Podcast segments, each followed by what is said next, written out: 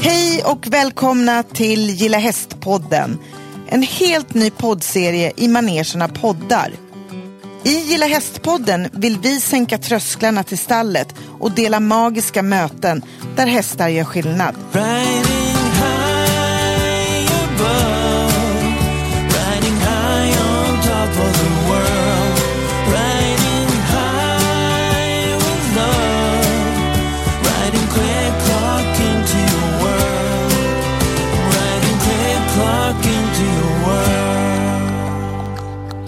och välkomna till Gilla Hästpodden.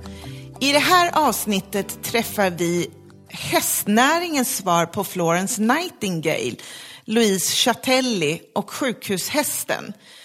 Vi sitter här på Sparreholms slott i Sörmland och Louise vart nyligen utsedd till årets eldsjäl inom kategorin hälsa. Jag är nyfiken på hur allt det här började och hur det känns att kunna göra skillnad för barn som till exempel har fått ett cancerbesked. Så häng med! Hej och välkomna till Gilla Hästpodden, Louise Chatelli. Hej, Välkommen! tack.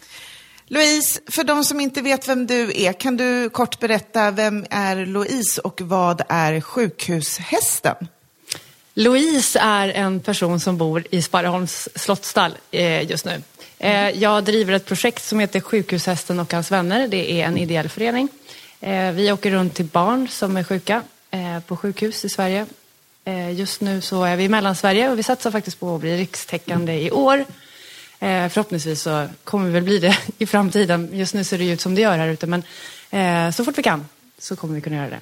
Mm. Och sjukhushästen, du säger att vi ska kunna bli rikstäckande. Sk- Är det tanken att du själv ska åka runt i hela Sverige eller har du tänkt att bygga upp som någon form av franchise eller hur funkar det? Nej, jag tänker åka ut själv. Eh, vi har ju fokuserat på högtiderna. Så vi har ju åkt jul, påsk, midsommar och halloween. Och sen har vi också, när Lejonkungen hade sin release på sin film så åkte vi ut och hade Lejonkungen-tema. Eh, så att vi åker ju runt ganska mycket. Sen åker vi hem till folk som, som har barn som vårdas i hemmet. Eh, så vi är överallt, men det har ju varit mycket i Stockholm såklart eftersom vi har varit i närheten av Stockholm. Eh, och vi har ju en hel del universitetssjukhus runt omkring här. Så vi har Linköping och Uppsala och så har vi Örebro och så Stockholm. Så det har varit eh, nära för oss att åka. Mm. Vad har du för bakgrund på häst? Alltså hur började det här och hur började ditt hästintresse? Oj, alltså jag, jag skulle kunna säga att det är från två olika håll. och det ena är ju att eh, på min pappas sida sedan flera hundra år tillbaka i tiden så har vi en gammal gård nere i Tunisien där vi eh, föder upp eh, arabiska fullblod. Eh, så det har jag ju haft eh, med mig hela vägen. Sen har jag inte varit där jättemycket på sista åren. Men när jag var mindre och så, så åkte vi ner dit.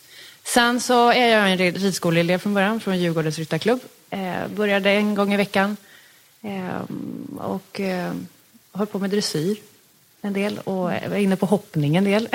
Man blir ju lite man vill ju prova på liksom. Men vad var det som tog fäste med att, att lära hästarna de här konsterna? För det är ju faktiskt konster. Det är ju, eller är det självklart för hästarna att kunna gå och stå på bakben och, och gå ner på knä och, och lite sådana här andra saker? Eller hur, hur tänker man där? Ja, alltså det beror lite på som du är inne på. Det är olika trick. Vissa saker är jätteonaturligt för dem att göra såklart, men vissa är mer naturliga och eh, man kan ta dem ifrån det naturliga beteendet och eh, eh, göra allt möjligt mellan himmel och jord. Så det är egentligen bara vår hjärna som kan sätta stopp för hur, vad de kan lära sig. Väldigt intelligent djur. Och eh, just frihetsdressyren eller trickträningen, den kommer nog ifrån Tunisien från början. För där red vi ju åsnorna med både halsring och, och en pinne då som spöra. Eh, Så därifrån kommer den delen. Sen så har jag ju varit en del eh, i USA och där har jag ju fått inspiration ifrån några större inspiratörer som höll på med frihetsdressyr. Häftigt. Men mer inom västern, västerngrenen, men det har jag faktiskt aldrig varit riktigt inne på. Men det var därifrån det kom då. Ja. Och hur länge har du hållit på och turnerat med, du har varit nyligen eh, utnämnd till Årets eldsjäl. Kan du berätta lite grann om det priset och vad det innebär för dig och ditt, eh, ditt företag eller din eh, eh, förening? Ja, Eh, jag har varit väldigt chockad själv att någon hade nominerat mig för det jag gör är väldigt självklart för mig. Eh, dels så tycker jag är väldigt kul att eh, göra andra människor glada. tycker jag är jätteroligt. Jag har alltid varit sån med att dra ihop fester eller när det är julafton. Jag är, väldigt, jag är nog en av de som har, inte svårt för ska jag inte säga, men det här med, med det här familjära när man stänger in sin egen familj. Jag vill ju hellre att alla ska vara inbjudna. Som på jul till exempel, det är vi och familjen. Då blir jag så här, ah, okej, men det är vi och världen tycker jag istället. Det är mycket roligare för det finns så otroligt mycket människor som sitter ensamma. Mm. Eh, sen så har jag ju tyvärr haft mycket cancer runt omkring mig och jag har varit i den miljön. Jag har bott på Ronald McDonald, jag har varit mycket på sjukhus. Och, eh, väldigt mycket närstående som har gått bort ifrån mig eh, och jag har mött de här människorna. Och, så jag kan tänka mig till en början så var det ju ett ett eget arbete i mitt sörjarbete att eh, umgås med människor som hade gått igenom samma sak som jag. Mm. Och eh, på, det, på den vägen så, så, blev det. Sen så såg jag, det finns ju sjukhushästar i andra länder. Mm. Men jag såg att det inte fanns i Sverige. Så därför tänkte jag att då är det dags att leverera en, en svensk sjukhushäst. Mm. Och eh, där då hade jag ju min häst Hannibal. Just det, precis. Exakt. Kan du berätta lite grann om Hannibal? Vad är han för en karaktär och själ? En väldigt vänlig, väldigt lugn, eh, men också väldigt pigg på att lära sig nya saker. Han är väldigt nyfiken. Och eh, jag gillar ju framförallt att jobba med hingstar. Eh, de är mer, lite mer framåt. De gillar att jobba. Ehm, nu säger jag inte att andra hästar inte gillar att jobba, men just hingstar har det här lite extra drivet. De orkar lite till. Mm. Oftast. Ehm, men ehm, om vi ska prata klart om det där vi pratade om precis innan. Det här ja, med tar vi det. Eldsjälspriset. Ja. Det jag gjorde då var ju att eh, när jag vann det här priset så vann jag också en prissumma. Mm. Hur mycket vann du får man fråga? Ja, det blev 75 000. Mm. Och då valde jag att eh, köpa in nya hästar och ja. fler hästar. För jag hade ju som sagt bara en. Och då min häst Hannibal fick ju göra allt mellan himmel och jord. Han var ju med mig på uppvisningar, han var med mig på invigningar, han var med mig på sjukhusbesöken, privata sjukhusbesök och även de här större officiella sjukhusbesöken. Så att det, jag kände att det behövdes fler och sen så skickade kommunerna ut mig på eh, inom äldre, äldreomsorgen. Mm. Så då hade jag två föreställningar om dagen under två veckor och eh, det behövdes lite fler hästar kände jag. Mm. Jag kunde inte ha min egen till allting. Så jag tog de prispengarna och så kontaktade jag cirka 100 stycken uppfödare ute i Europa som föder upp Welsh Mountain ponnysar. För det tyckte jag var en bra idé. Mm. Ja, precis. Det är alltid en bra idé att investera i nya hästar, det ja. vet vi ju. Exakt. Så då till slut så hittade jag, skulle ha hittat sex stycken från början, men jag fick tag på fem stycken. Mm. Och det är hingstar också allihopa. Och de är i ålder mellan fyra och sju år. Och sen så väntade jag då på att alla köp och alla veterinärbesiktningar skulle gå igenom så tog jag en lastbil som plockade upp allihopa och körde hit dem. Och de kom ju nu i december. Mm. Men hur, hur gick det då? De här kommer alltså ifrån olika ställen och just det där med hingstar och hingstkaraktärer. Hur funkar det när du tar hem dem och på vilket sätt? Vi var ju inne lite grann i stallet och då berättade mm. du just om hur, hur du, vad ska man säga, stallar upp dem. Mm. Kan du mm. berätta lite grann om det? Ja, alltså jag, nu brukar man ju normalt sett kanske inte få hem fem stycken hingstar samtidigt. Eh, men, men nu fick vi det. Så då väljer jag att placera dem i en egen box. Eh, och så, vill jag, så är jag ganska mycket där under hela de första tre dygnen. Mm. För att se vem som är vem. vem. Vilka karaktärer de har. Om det är en häst som är väldigt pigg och framåt eller om det är en häst som är väldigt aggressiv. Det kan vara vad som helst. Som är... Så då väljer jag ju sedan att placera ut de här bredvid varandra sen. Så då byggde vi om boxarna. Vi har ju väldigt stora boxar här. Så mm. att då kunde vi bygga om dem så att två stycken kan stå i en. Mm. Och det gör jag bara nu i inkörningsfasen för att de ska, ska gå ihop i hagen. Så då ställer jag ju en häst som är mer lugn bredvid en häst som är mer uppåt, piggare. Mm. Eh, och sen nästa box som står in till så ställer jag då tvärtom. Så den pigga står ju bredvid den Ja, jag brukar kalla det för plus och minus, det är lättare att förstå. Ja. Så jag ställer inte tre plussare bredvid varandra. Ja, det kan bli lite Nej. rörigt kanske. Utan om jag ställer en plus och en minus bredvid varandra så blir vi lite mer neutrala. Ja. Eh, och eh, sen varje morgon då, de fick stå på box tre veckor ungefär. Så varje morgon så började jag plocka ut två och två, de plus och minus tillsammans. Och så gick vi in och jobbade ihop i ridhuset. Tillbaka, sen ta nästa gäng och sen tillbaka nästa gäng. För dem, ja. eh, sen efter det så började jag släppa ut dem i hagen. Och då släppte jag dem på en neutral hage så ingen annan hade varit där innan. Eh, och eh, då får de bara, sen ser jag alltid till att de har mat tillräckligt och att eh, maten är väldigt långt ifrån varandra så det aldrig blir tjafs. Så det handlar ofta om konkurrens. Jag satt upp lappar, ge inte ponsarna godis. Just sådana saker. För det kan faktiskt trigga. Jag ger aldrig godis när jag kommer ut i hagen och sådana saker. För då vill ju alla fram samtidigt och så blir det bråk. Louise, du har ju även en del träningshästar hos dig. Och hur, hur hamnar de hos dig? Hur går det samtalet till eller hur landar de här? Ja, oftast, jag kan säga så här, i regel så är det väl den personen som har kanske försökt att rida in sin häst och så har det på något sätt gått kanske lite fel och så har de kört fast. Det är väl den kunden. Sen så är det faktiskt de som är intresserade av frihetsdressyr och vill lära hästen att ridas utan så mycket utrustning. Ehm, Så det, det är lite både och. Faktiskt. Hur började alltihopa? Du började som sagt för att träna hästar med frihetsdressyr. Men hur kom den här idén om sjukhushästen till? Ja, men det var nog eh, när jag vistades så mycket i den här sjukhusmiljön. Och sen så kände jag ju till att det inte fanns någon sjukhushäst i Sverige. Eh, och jag vet att det finns i andra länder. Så Men hur går, ett, hur går liksom, eh, när du åker till ett sjukhus, Ja. vem tar kontakten och hur, hur går det till rent liksom tekniskt? Ah, Okej, okej, ja, Mm. okej. ja, men från början så är det ju jag som har ringt runt. Och det var väldigt, alltså, eller jag kan säga att det fortfarande kan vara ganska svårt. Men nu har Hannibal, eller just sjukhushästen och hans vänner har ju fått ganska mycket publicitet. Så nu är det lättare för mig nu att sälja in honom när, när jag ringer till sjukhus. Mm. Men i början så var det så här, vad sa du att du ringde ifrån? Här, är du en sjukhuspräst? Nej. Ja. Sjukhushäst? Sjukhusfest? Nej, det är inte det heller. Så, det- häst, det vet du. ja, Bokstavera. Ja. ja, precis. Så till en början var det svårt. Sen är det ju så, de undrar om vad man har för bakgrund till och vart man har varit innan och så vidare. Så att man har, jag gjorde det ju mycket privat från början också. Eh, åkte på mycket mindre ställen. Just av den anledningen att jag också ville lära känna honom i den miljön. För visst, man kan träna hur mycket som helst hemma. Men man kan, aldrig, man kan ju aldrig veta vad som händer ute i verkligheten. Och jag kan ju aldrig säga att mina hästar är hundraprocentiga. Det, det går ju inte. Men däremot så, så gott som. Ja. Men händer det något så händer det ju. Det är ju hästar, de reagerar ju.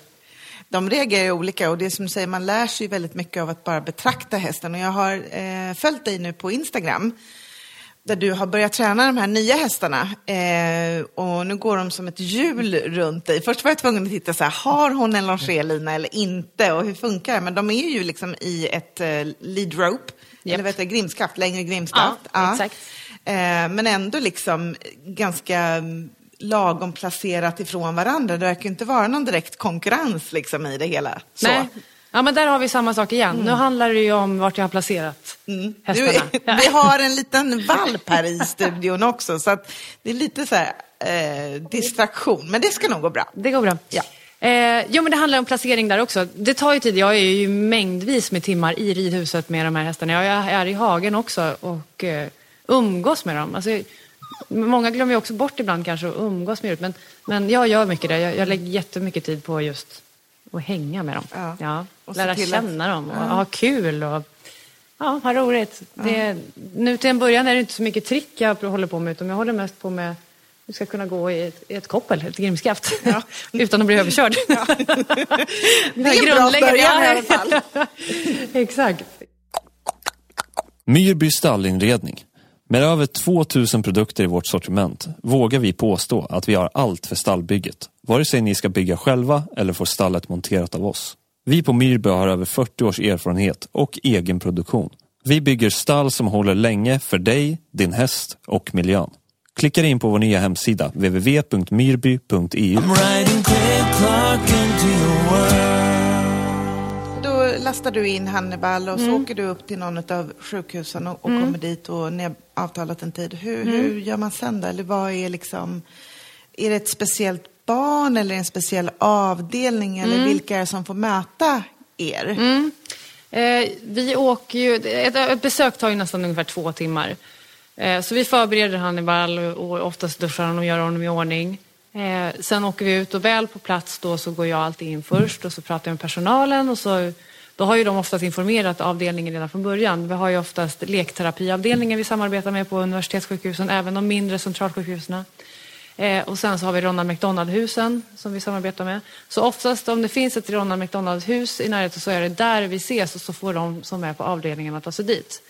Men det som vi har som har varit ett litet, eh, ja men inte problem ska jag inte säga för alla problem går ju att lösa, men det som har varit grejen är att de barnen som inte får gå ut vi vill kunna placera oss där så de barnen kan stå och titta ut från fönsterrutan. Mm. Så ibland har vi fått köra två, två gig eller två föreställningar för, mm. eh, på olika platser då, just för att de här barnen som inte får gå ut eller inte orkar gå ut mm. ska kunna se genom fönstret. Eh, sen är det mycket anhöriga som, som, som bor på sjukhus, här patientsjukhus eller Ronald McDonald-huset speciellt. Du har ju syskon och, och, föräldrar och så vidare som bor där tillsammans med barnen och de vill ju också aktiveras. Det här blir ju mer en familjegrej för alla. För att även om det är oftast det sjuka barnet man tänker på så är hela familjen drabbade. Såklart. Alla runt omkring. Mm. Och man får inte glömma bort syskonen som också går igenom och kan också bli bortglömda på ett annat sätt med tanke på att det blir så mycket fokusering på det här barnet som är sjuk. Så vi har mycket syskon som, som är med när vi kommer. Mm. Vad tror du att det är i hästen, eller liksom vad är det med hästen som gör att man blir så liksom, tagen eller liksom, att det ger en trygghet? Vad tror du? Vad är din liksom, tanke jag, eller reflektion? Nej, men jag tror, för det första så är det, när, i den situationen som de här familjerna sitter i, så är det nästan så att det spelar ingen roll om du kommer med ett schackbord eller om du kommer med en häst. Nu är det ju så att jag, hästar har varit mig nära, det är därför när jag vill ge någonting så är det, det någonting jag kan ge av. Eh, för jag har djur. Och djur är ju känt sedan långt innan att, att det har en positiv inverkan på människor. De blir lugnare. Eh, och, och man ser även på de här barnen som ligger inför, inför döden att eh, de blir närvarande. De vill gärna krama, speciellt hunden Chip då, eftersom det är han som jobbar med de här sängliggande barnen. Mm. och man ser att, jag vet till och med föräldrar som har sagt att vi inte behövt äta samma smärtlindring idag på grund av hunden. Mm. Flera sådana fall. Mm. Kan du berätta lite mer om Chip också? Han får ja. vi inte glömma bort i det här. Chippen, nej. Vem är han? Chip är en border collie. Han är fem år. Vi har tävlat lite i lydnad. Eh, vi har inte vallat, men han vallar mina hästar på, på, ja, på kommando, då, så mm. inte när han vill. Eh, även om man önskar det själv. ja, men när jag kom in här på, på Gårdsplan så såg jag en, en liten eh, svartvit, eh, nej inte så liten, men han är ju en, en border collie som ja. låg precis utanför hagen sådär blickstilla ja. i snön. Det är ändå ganska kallt idag när vi träffas. Ja men med ett otroligt fokus på hästarna. Liksom. Ja, han är riktigt fokuserad på dem. Han tar sitt jobb på fullaste allvar. oh ja, han är den här gamla typen som alltid kommer till jobbet, aldrig inte har en sjukdag. Utan han är där från nio till fem varje dag och dygnet runt om det skulle gå. Ja. Så att, ja, eh, men eh, vad pratar vi om? Vi pratade om Chip. Ja, vi pratade om ja, Chip. Pratade Just det, vad han gör. Vad, vad gör, gör Chip? Ja, än att ligga utanför hagen. det är bara ja, det han gör. Ja, det är bara det han gör. Han gör det väldigt bra. ja, nej men eh, det var ju så att jag fick ju den här lilla Snöboll till att börja med, måste jag berätta. Ja, berätta. Ja. Snöboll kom till mig för att han skulle bli mer hanterad. Han var, gick inte att fånga i hagen och han hade massa små hyss för sig. Eh, han har fortfarande hyss för sig, men lite mer kontrollerade hyss. Men ibland ja, vet jag inte vad, vad, vad han gör, men han är överallt och ingenstans. En härlig karaktär Ja, han är ändå. rolig. Alltså, han är väldigt rolig. Han, kan, han har lärt sig väldigt mycket, men han gör det när han känner för det. Liksom. ja. det är, ja. En Ove lite, ja, om man får så. ta ja. jämförelsen så. Mm, okay. Och han bestämmer liksom vilka trick vi ska göra på dag, när vi kommer ut i ridhuset. Ja. Vad han känner för att göra, inte vad jag känner för att göra. Underbart. Men, ja, men i alla fall, han specialdesignade deras små tofflor till eh, eller jag fick hjälp av det, som är gummi. Så det började ju med när, efter han hade varit hos mig en stund, så såg jag att Hannibal kom väldigt bra överens med honom. Och jag hade inget sällskap till Hannibal då. Eh, och eh, att ha en, en, en sån liten häst är lite billigare än att köpa en stor. Mm. Eh, så det blev ju då att jag ringde hägaren och frågade om jag fick köpa snabbboll. Vilket hon inte ville först. Hon tyckte bara nej, det här var inte meningen. Uh. Nej. Men sen så eh, ja, blev det så att jag fick köpa honom. Och, eh, ja, vi är jätteglada för det och eh, även tidigare ägare eh, finns ju kvar i mig, bilden också. Mm. Och är det som om jag skulle sälja honom, vilket jag aldrig kommer göra, men så är, kommer han gå tillbaka till henne. Så att, mm. det var en bra överenskommelse. Det var en bra överenskommelse, ja. Mm. Eh, och eh, då började han besöka barn sen hemma efter jag hade tränat honom ungefär ett och ett halvt år. så han eh, tar sig in på ställen som inte Hannibal tar sig in på. Det. Till de barnen som inte tar sig ut men fortfarande är så pass pigga så att de kan vara uppe och gå. Men problemet var att det var så halt för honom på parketten i. Mm. husen. Ja. Så då fixade vi såna här gummitofflor till honom. Ja, men sen kom vi då till de här barnen som knappt är vakna. Eh, som mer eller mindre sover hela tiden. Och eh, jag kunde ju inte lägga snöboll i- i sängen hos dem. Jag lärde honom ju att sitta ner i vardagsrummet och så för de barnen som sitter i rullstol och så, så satt ju han med inne på deras rum. Eh, Medan de lekte så sitter ju han där på golvet och, och väntar på nästa godis. Och, det, och undrar vad som Han är väldigt nyfiken och så, tittar vad barnen gör. Och, ja. Men eh, då började jag träna min hund.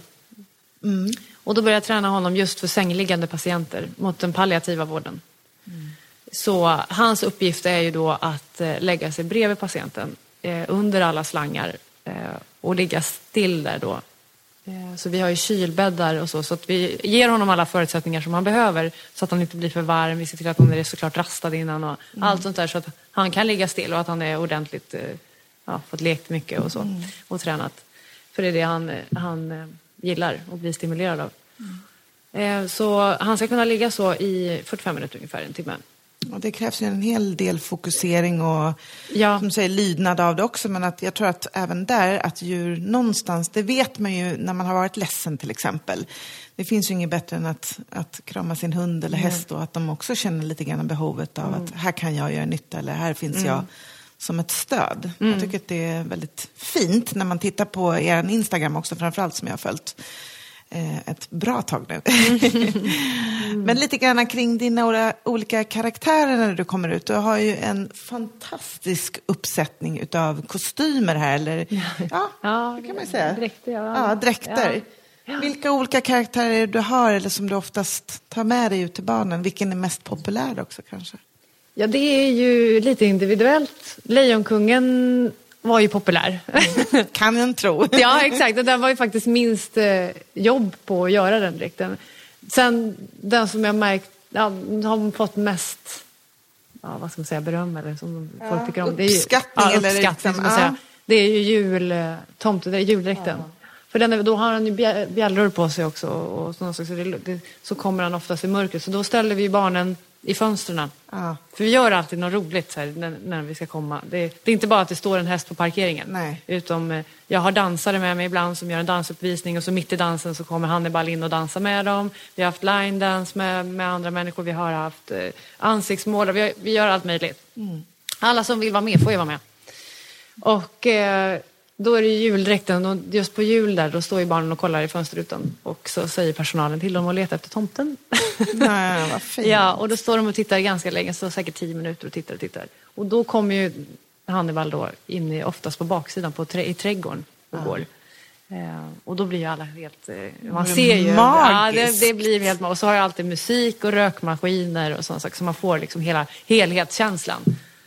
Ja. Det är ett otroligt jobb du gör och det, det är ju också en sån sak att ta med sig att det är ju det är inte bara som du säger skicka in en häst i en, i en buss och liksom dra sig iväg utan det är en otrolig planering och, och tanke bakom det här att det ska passa för de barnen som möter dig. Är det, är det bara barn främst du jobbar med? Eller även, du sa, nämnde även äldrevården så. Mm, det kom nu med corona, men annars har jag bara varit inom barn.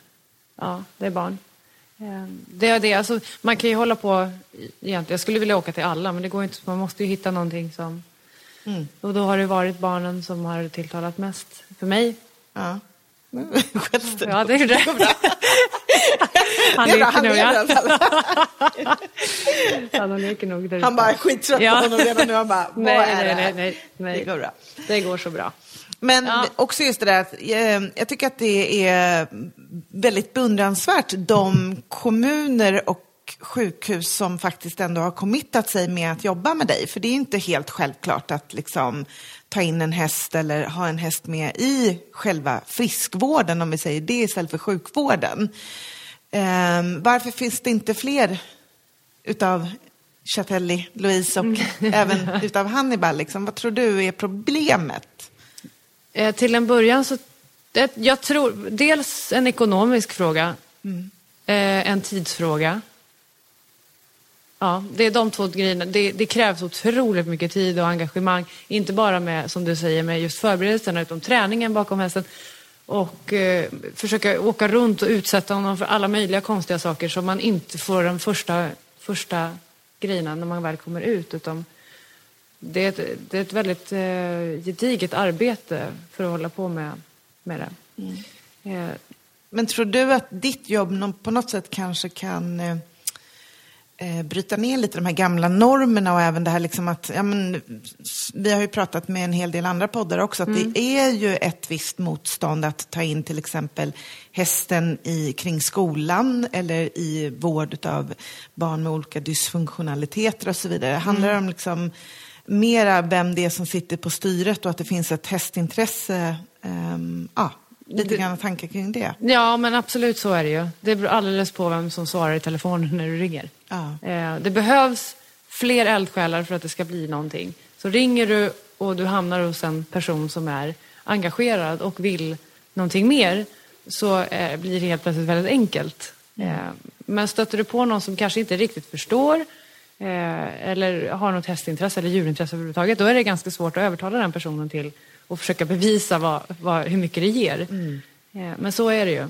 Men om man ska säga svårigheten med hela den här grejen, det skulle jag nog säga, det är ingenting utav det här, utan det är mest tiden. Eh, Och förklara det för, för folk runt omkring så, jag har ju aldrig tid att, att ses på en middag eller, eller eh, gå ner på stan eller spontant åka iväg en weekend. Eller, det, det finns inte. Nu, nu, nu vill jag ju ha det så, jag har ju valt att ha det så själv. Men, Jo, men men just att förmedla det till, till andra människor, det har varit min svårighet. För jag kan ju också få väldigt dåligt samvete när, när jag säger nej hela tiden. Så här, kan vi komma förbi? Nej, jag måste träna. Kan jag Ja. komma förbi? Nej, jag måste göra det. Ja, nej, så, och det är väldigt svårt, för det, när du inte är en hästmänniska överlag så har du ingen aning om alltså det, att det är både fodringar och det är utsläpp och det är allting runt omkring. Det skötseln och sen kommer du till träningen.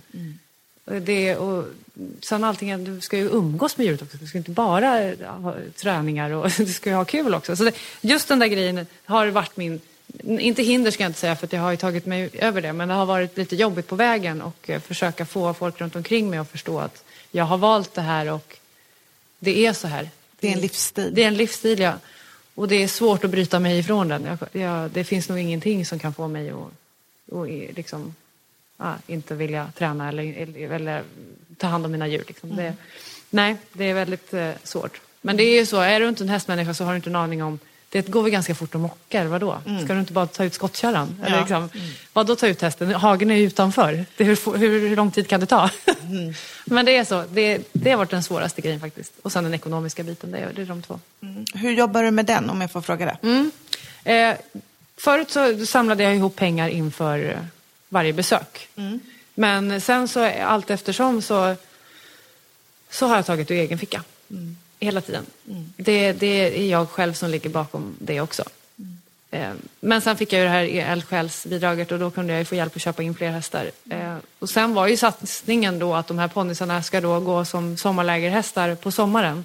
Och Så att de, de lägren ska då finansiera de här sjukhusbesöken. Men nu på grund av coronasituationen som vi har så kan jag varken ha mina kurser eller, eller vid lägren har jag ingen aning om hur det blir för det är ju sommar. Men, Så att, eh, då gick jag ut med att jag sa att jag eh, har faddrar. Just det, precis. Ja. Berätta lite mer om det. Ja, jag önskar att jag hade kommit på det tidigare för det är ju jätteroligt. Ja, och väldigt...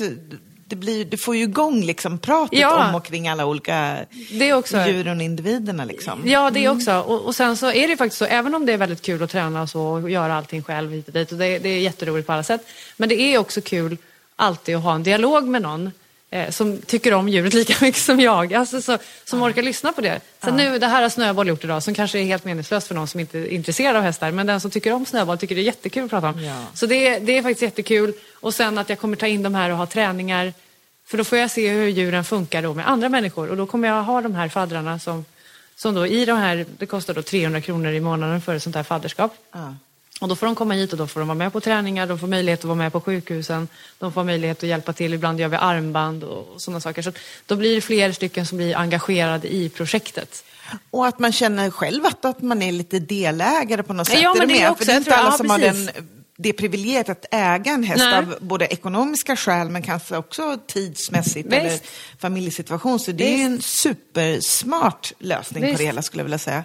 Ja, men det var en jättebra grej. Jag, vet inte varför jag inte kom på det förut, men det är ju aldrig en dag för sent. Men, Nej, det, läget var som läget, läget var. var som läget var.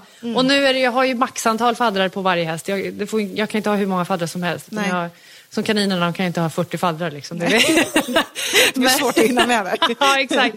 Så då har jag en fadder. Och, och då kommer, hon kommer komma hit första helgen i februari. Och så kommer vi städa kaninburen och vi kommer umgås med kaninerna. Och, och vissa väl lära sig att bli de här nya som jag fick eh, här av Carolina Gynning. De måste ju ha- handhanteras nu. De måste ju tränas de också. Och då får faddrarna hjälpa till. Och, det är, och då är man flera stycken med samma... Men det är också Tackar. jättebra, för jag kan tycka lite grann idag när man möter barn eh, i skolan och så vidare, det är ju inte så många som ett, kommer ut i friska luften, Nej. tyvärr. Eh, och sen två, också just det här med att möta ett djur och ta ansvar. För det är ändå någonstans det som jag tror också just det här vi som är då inom häst, att man får ju den här ledarskapsförmågan och man får ta ansvar och precis som du säger att hästen det måste tas om hand om varje dag. Att även där kunna föra över det till barn att liksom förstå liksom, att, att du är eh, behövd. Men vi ställer ju alltid en fråga till de som gästar vår podd om, ett, eh, om du kan berätta om ett speciellt möte. Antingen för dig självt eller kring eh, någon av de patienter som du har träffat. Om det är något som stannar kvar lite längre. Ja den, ja, den frågan har jag ju fått ett par gånger och jag har lika svårt att svara på den varje gång. För att det är, det är så många som fastnar. Och det är så många unika, speciella tillfällen eh, på olika sätt. Det, är, det är väldigt tungt ibland såklart. Men samtidigt så blir ju jag som en, eh, en glädje då, ju- just där och då. Men vart tar du vägen med dina känslor? För jag kan förstå att det ibland blir väldigt träffar en, liksom, att man bär med sig den här sorgen. Det kan ju vara att allt, inte alltid det blir det utgångsläget som man kanske hade trott. Nej, precis. Man får lära sig att, hantera det, men det är svårt såklart ibland. Det, det kommer aldrig när jag är ute på plats, utan det kommer alltid efteråt. Men eh, oftast när jag kommer hem på kvällen. Ibland, I början kom det i bussen, men nu har det blivit att när jag, när, när jag kommer hem. Och sen när jag får de här samtalen om de barnen som har gått bort. Det, det, det tror jag aldrig att man eh, lär sig att hantera. På, nej, det, det, det blir att man tänker på dem extra mycket. Även om man tänker på dem jag ska nog tänka, jag, jag, jag tror att jag tänker på något barn varje dag i alla fall som man har träffat. För de, som du säger, det, det är vissa speciella tillfällen såklart. Allting, det, allt spelar ju in och det kan vara vädret, det kan vara i hela situationen. Och, men eh, det är klart, de barnen som går bort är ju de som man tänker lite extra på. Då tänker man också på föräldrarna som lever kvar. Alltså det är så fruktansvärt Hur kommer tungt. man över det är? Nej, jag förstår inte och jag följer ju många av dem på Instagram och jag, jag fattar inte hur det, hur det är möjligt. Så det, Nej, det, är- det, det är en sorg som nog inte går att beskriva. Det är så onaturligt när barnen går först. Det ska ju vara tvärtom.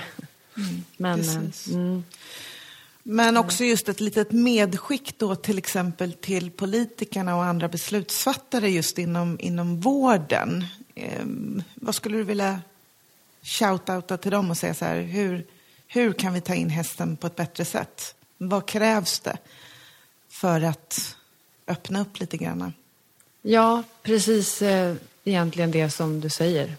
Bli lite mer open-minded. man kan komma framåt i texten. Man behöver inte göra som man alltid har gjort, utan testa på någonting nytt. Och ge det i alla fall en chans. Är det ingenting för dig så då tar vi bort det, men vi kan i alla fall prova en gång. För att jag vet att, eh, att man kommer tycka, se, se det positivt när man väl har varit med en gång. Ta chansen, alltså ta, ta den tiden och föl- följ med på ett sjukhusbesök. Var där när jag kommer. Precis, Det- det, är ju supersmart. Ju just att få någon kanske lite mera på, på kroken eller fatta galoppen som vi oftast Ja. använder oss i podden. Eh, nej men att eh, bjud med in, liksom. Ja. bjud med en politiker för att få se det här mötet och Ja. för att få dem att förstå att, hur hästen gör skillnad för dessa barn eller på äldre, äldrevården så också. Visst. Smart. Men Louise, vi ska runda av som sagt va? Och hur ser din kommande tid ut nu? Vad är ditt Vad är ditt närmaste mål och vad är dina kommande eller dina drömmande mål? Ja, såklart som många andra väntar på att det ska bli, läget ska bli annorlunda. Men under tiden så kommer jag ju jobba järnet med ponnysarna eh, så att de är leveransklara här nu och kan åka ut redan i sommar förhoppningsvis. Så på ett sätt så, är, nu när jag inte kan åka ut så har jag också tiden till att verkligen jobba de här nya nykomlingarna. Så det kommer jag göra. Jag kommer finnas i hagen och jag kommer finnas i ridhuset. Och du kommer finnas på Sparreholm i Sörmland. ja, exakt. Var kan man läsa mer om dig? Var hittar man dig på sociala kanaler? Sjukhushästen på Instagram och sen har du Chatelli Horse Academy också på Instagram. Jag har gjort så att jag lägger på sjukhushästen lägger jag ju bara upp det som har med sjukhushästen att göra. Eh, Men om man vill se ponnysarna i arbete eh, så kan man gå in då på Chatelli Horse Academy. Där lägger jag upp det. Smart. Då tycker jag ni ska klicka in där på en gång. Tack snälla för att du gästade vår podd och stort lycka till med Snöboll, Hannibal och alla de andra små härliga, Ja, härliga individerna. Tack för att jag fick komma. När hon fick se Chip, hon blev så otroligt glad. Helt, du såg på hela henne, även om hon inte riktigt hade kraften till att eh, göra så mycket. Så när hon fick ligga och krama Chip där så låg hon och sa tyst, det här är inte sant, har jag fått en hund? Och det var, självklart hade ju Linnea fått en hund. Det var ju hennes hund som låg där. Och hur har du övertalat pappa? Då kom nästa fråga. Ja, så det, det, jag kommer aldrig glömma det och hennes mamma helt fantastisk. Eh, Chip gjorde ett jättebra jobb där. Han låg där i nästan en och en halv timme med henne. Wow. Efter 45 minuter gick han upp och sträckte benen men sen ville han faktiskt hoppa upp till henne igen. För det är ju så med den här ra- rasen border collie, de är ju så arbetsvilliga. De vill hela tiden göra det som, det som den tror att du, du vill göra. Alltså det, de är en pleaser. Det, det, det är fantastiskt att jobba med dem. Du får nästan säga till att nu, nu ska vi ta det lite lugnt, nu ska vi inte jobba. Ja. Så när han vet att hans, eller förstod att sin uppgift var att ligga så här bredvid en patient, då gör han det. Han ifrågasätter inte utan han tycker att det, det är jättekul. Han vet att alla är nöjda. Han somnar, han snarkar ju. Gilla Hästpodden ryms i satsningen med samma namn som drivs av hästnäringens nationella stiftelse, HNS. Läs mer på gillahäst.se och följ oss gärna i sociala kanaler. Myrby stallinredning. Med över 2000 produkter i vårt sortiment vågar vi påstå att vi har allt för stallbygget. Vare sig ni ska bygga själva eller få stallet monterat av oss. Vi på Myrby har över 40 års erfarenhet och egen produktion. Vi bygger stall som håller länge för dig, din häst och miljön. Klicka in på vår nya hemsida www.myrby.eu.